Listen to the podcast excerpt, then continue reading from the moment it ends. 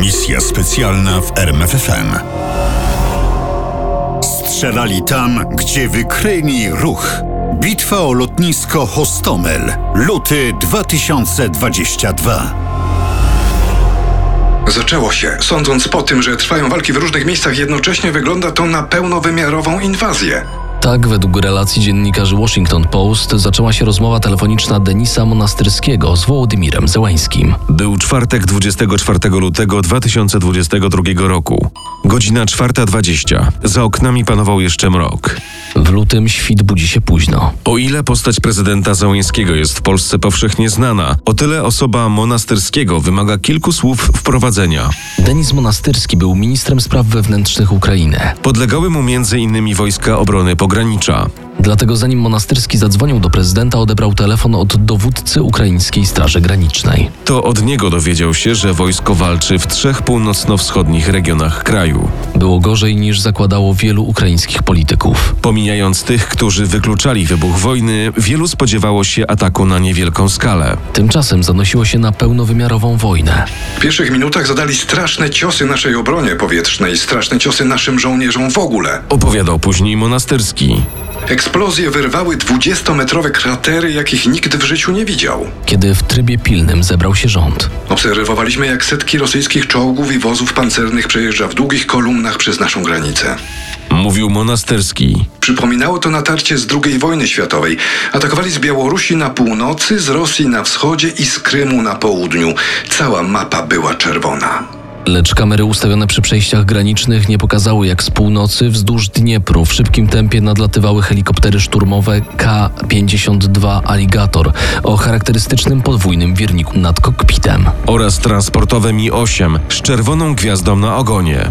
Ile było tych maszyn, dokładnie nie wiadomo. Według jednych źródeł 20 lub 34 według innych. Wiadomo natomiast, że w śmigłowcach transportowych Mi-8 siedzieli żołnierze wojsk powietrzno-desantowych Rosji. I tu natrafiamy na kolejną rozbieżność z 11 brygady bądź z 31. Należeli do elity armii Putina i mieli bogate doświadczenie bojowe z Czeczenii, Gruzji, Krymu i Donbasu.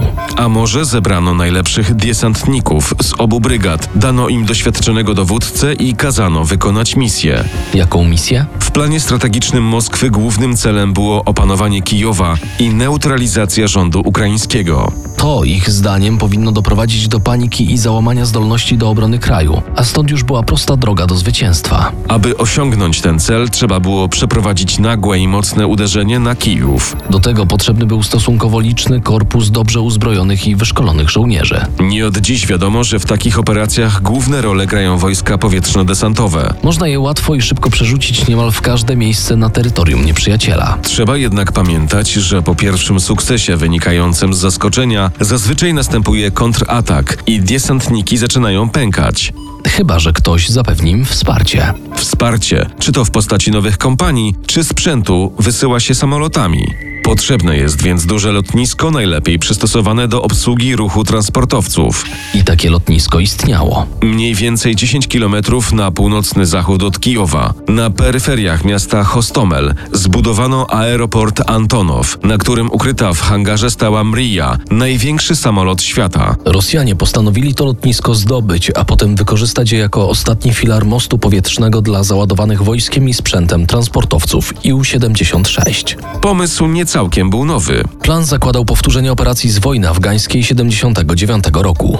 Wówczas to wojska radzieckie lądowały na lotnisku pod Kabulem, po czym opanowały stolicę, wyeliminowały prezydenta i rozlały się po całym kraju. Putin był pewien, że i tym razem powtórzy sukces z Kabulu. Tak więc wczesnym rankiem 24 lutego rój śmigłowców leciał nisko nad ziemią, żeby uniknąć wykrycia przez radary. Kiedy wskaźniki GPS pokazały, że zbliżają się do Kijowa, helikoptery wykonały zwrot w prawo na południowy zachód. I wtedy na ekranach radarów pokładowych pokazały się kropki ukraińskich pocisków rakietowych. Wystrzelono flary, aby zmylić rakiety, a w chwilę potem helikoptery jeden po drugim wykonały nagły zwrot, a mimo to zauważono jak jeden K-52 i kilka Mi-8 zostały trafione i uderzyły w wodę.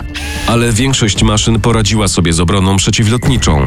Znów ustawiły się w szyku szturmowym i pędziły w kierunku Hostomelu. Około godziny 8 rano aligatory wystrzeliły pierwsze rakiety w kierunku lotniska i były to strzały celne. Wiele punktów obrony powietrznej zostało dokładnie dokładnie namierzonych i zniszczonych. Taka wysoka skuteczność obudziła podejrzenia już w czasie bitwy. Ale dokładnie zbadano te kwestie później, po bitwie. Okazało się, że rosyjski wywiad miał na usługach pracownika lotniska. To on podał im dokładną lokalizację celów. Rosyjskie rakiety zniszczyły większość, lecz nie wszystkie stanowiska broni przeciwlotniczej. To jednak pozwoliło dowódcom wydać rozkaz lądowania. Chwilę później na płycie lotniska pojawiły się helikoptery Mi-8 i zanim zatrzymały się wirniki, żołnierze wyskoczyli z maszyn. Najpierw poszukali osłony wśród niewysokich i rzadko rosnących krzewów, a potem ostrożnie ruszyli w kierunku zabudowań lotniska. Gdzieś tam kryli się żołnierze ukraińscy. Witali Rudenko, dowodzący oddziałem Gwardii Narodowej przy lotnisku, z niedowierzaniem patrzył na krążące nad Chostomelem śmigłowce.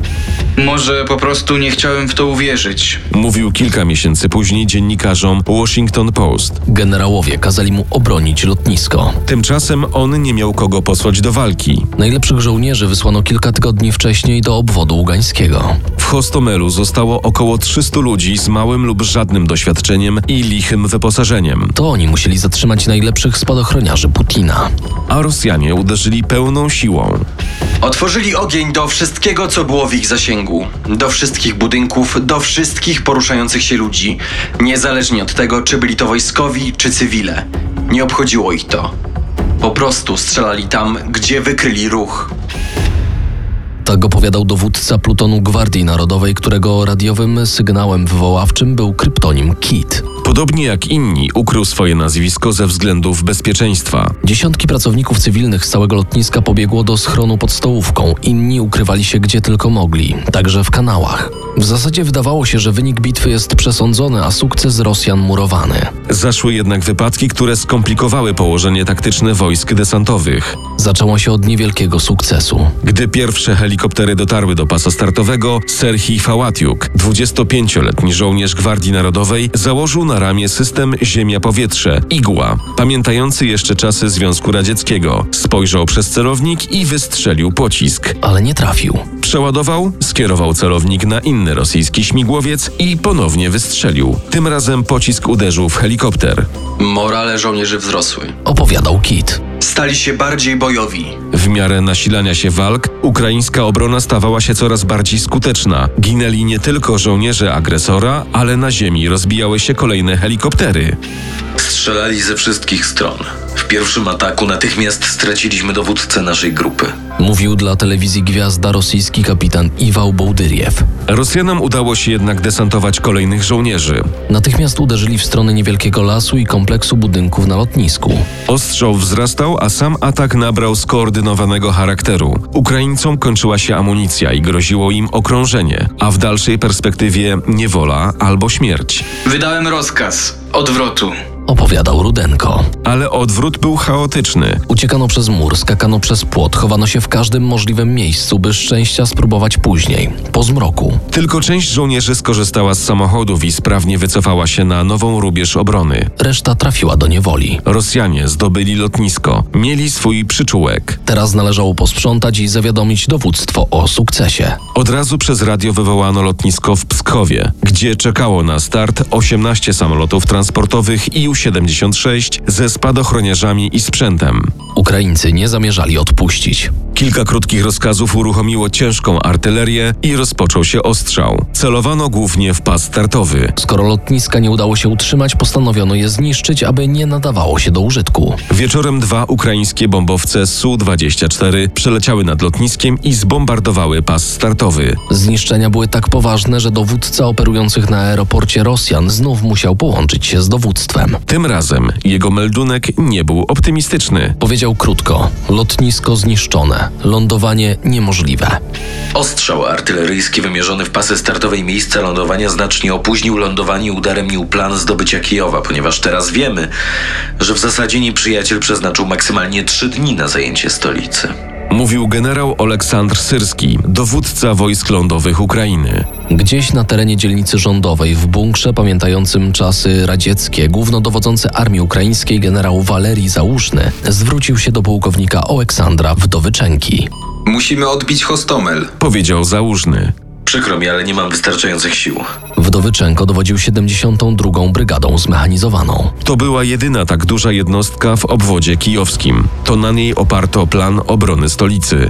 Powinniśmy spróbować. Odparł na to Załóżny. Ponieważ nie była to prośba, tylko rozkaz ubrany w formę grzecznościową, 72. Brygada szykowała się do kontruderzenia. Co działo się z tą brygadą w kolejnych godzinach? Dziś, rok po bitwie, trudno powiedzieć. Być może żołnierze Wdowyczenki mieli pilniejsze zadania. Faktem natomiast jest, że w krytycznym momencie bitwy, zakrojony na szeroką skalę kontratak, przeprowadziła czwarta brygada szybkiego reagowania. Wspierały ją samoloty i Legion Gruziński. Wieczorem lotnisko zostało otoczone. Szturm nastąpił jeszcze tego samego dnia. Wyrzucił Rosjan do okolicznych lasów. Następnego dnia, 25 lutego, rosyjska dywizja zmechanizowana atakująca z Białorusi i nowy kontyngent wojsk desantowych złamały opór ukraiński w bitwie pod Iwankowem. Przejęły kontrolę nad lotniskiem i zajęły przyczółek w mieście Hostomel. W następnych dniach Rosjanie próbowali przedrzeć się do Kijowa. Jedno uderzenie poszło na Buczę, drugie na Irpień, trzecie na Hostomel. Wszystko bez większego powodzenia. Jakoś około 7 marca generał Załużny ponownie rozmawiał z dowódcą 72. Brygady. Rozkazał mu utrzymać uzgodnioną linię na przedmieściach Hostomla i uniemożliwić Rosjanom zbliżanie się do stolicy. Ani kroku w tył. Powiedział: Od desantu mijał już drugi tydzień, a Rosjanie nadal walczyli na ulicach Hostomela, a straty rosły. I nie chodzi tylko o żołnierzy i oficerów niższego stopnia. Rosyjska prawda poinformowała, że od kuli snajpera zginął generał dywizji Andrzej Suchowiecki, szef sztabu rosyjskich sił powietrznych. Generał Suchowiecki był weteranem walk w Czeczeni, Abchazji, na Krymie i w Syrii. Jego obecność na linii frontu sugeruje, jak ważną rolę odgrywało lotnisko Hostomel w planach strategicznych Kremla. Dopiero pod koniec miesiąca po trwającej 5 tygodni bitwie Rosjanie przyznali się do porażki. 29 marca rosyjski wiceminister obrony Aleksander Fomin zapowiedział wycofanie wojsk rosyjskich z rejonu Kijowa i odwrót z aeroportu Antonow w Hostomelu. 2 kwietnia armia ukraińska odzyskała kontrolę nad lotniskiem. Już po bitwie nad jej przebiegiem pochylili się eksperci w mundurach. Sukces rosyjski, orzekli, wynikał z zaskoczenia i wysokiego tempa ataku. W tym momencie dochodzimy do pierwszej zagadkowej bitwy o Hostomel. Otóż dziennikarze Washington Post dotarli do ciekawych i mało znanych informacji na jej temat. W styczniu 2022 roku dyrektor CIA William J. Burns pojechał na Ukrainę, by przekazać generalicji i zapewne ważniejszym politykom, łącznie z prezydentem, informacje o planach Rosji. W bogatym dossier pojawiła się informacja o zaplanowanym ataku desantowym na lotnisku Antonow pod Hostomelem. No dobrze. Mógł zapytać Burnsa generał Załużny. A kiedy ten atak nastąpi? Tego zapewne Barnes nie wiedział, ale jak twierdzi The Wall Street Journal, z tym problemem poradził sobie wywiad Ukrainy samodzielnie. Wyżej wspomniana gazeta czerpała informacje u samego źródła, czyli od Kryła Budanowa, szefa wywiadu Ukrainy. Budanow miał powiedzieć, że 23 lutego ich kontakt w Rosji przekazał pilną wiadomość. Inwazja rozpocznie się 24 lutego, następnego dnia. Druga zagadka bitwy o Hostomel. Dlaczego mimo ostrzeżenia Burnsa nie wzmocniono garnizonu wokół aeroportu? Jeszcze czeka na wyjaśnienie. Misja specjalna w RMFFM. Na tropie największych tajemnic historii.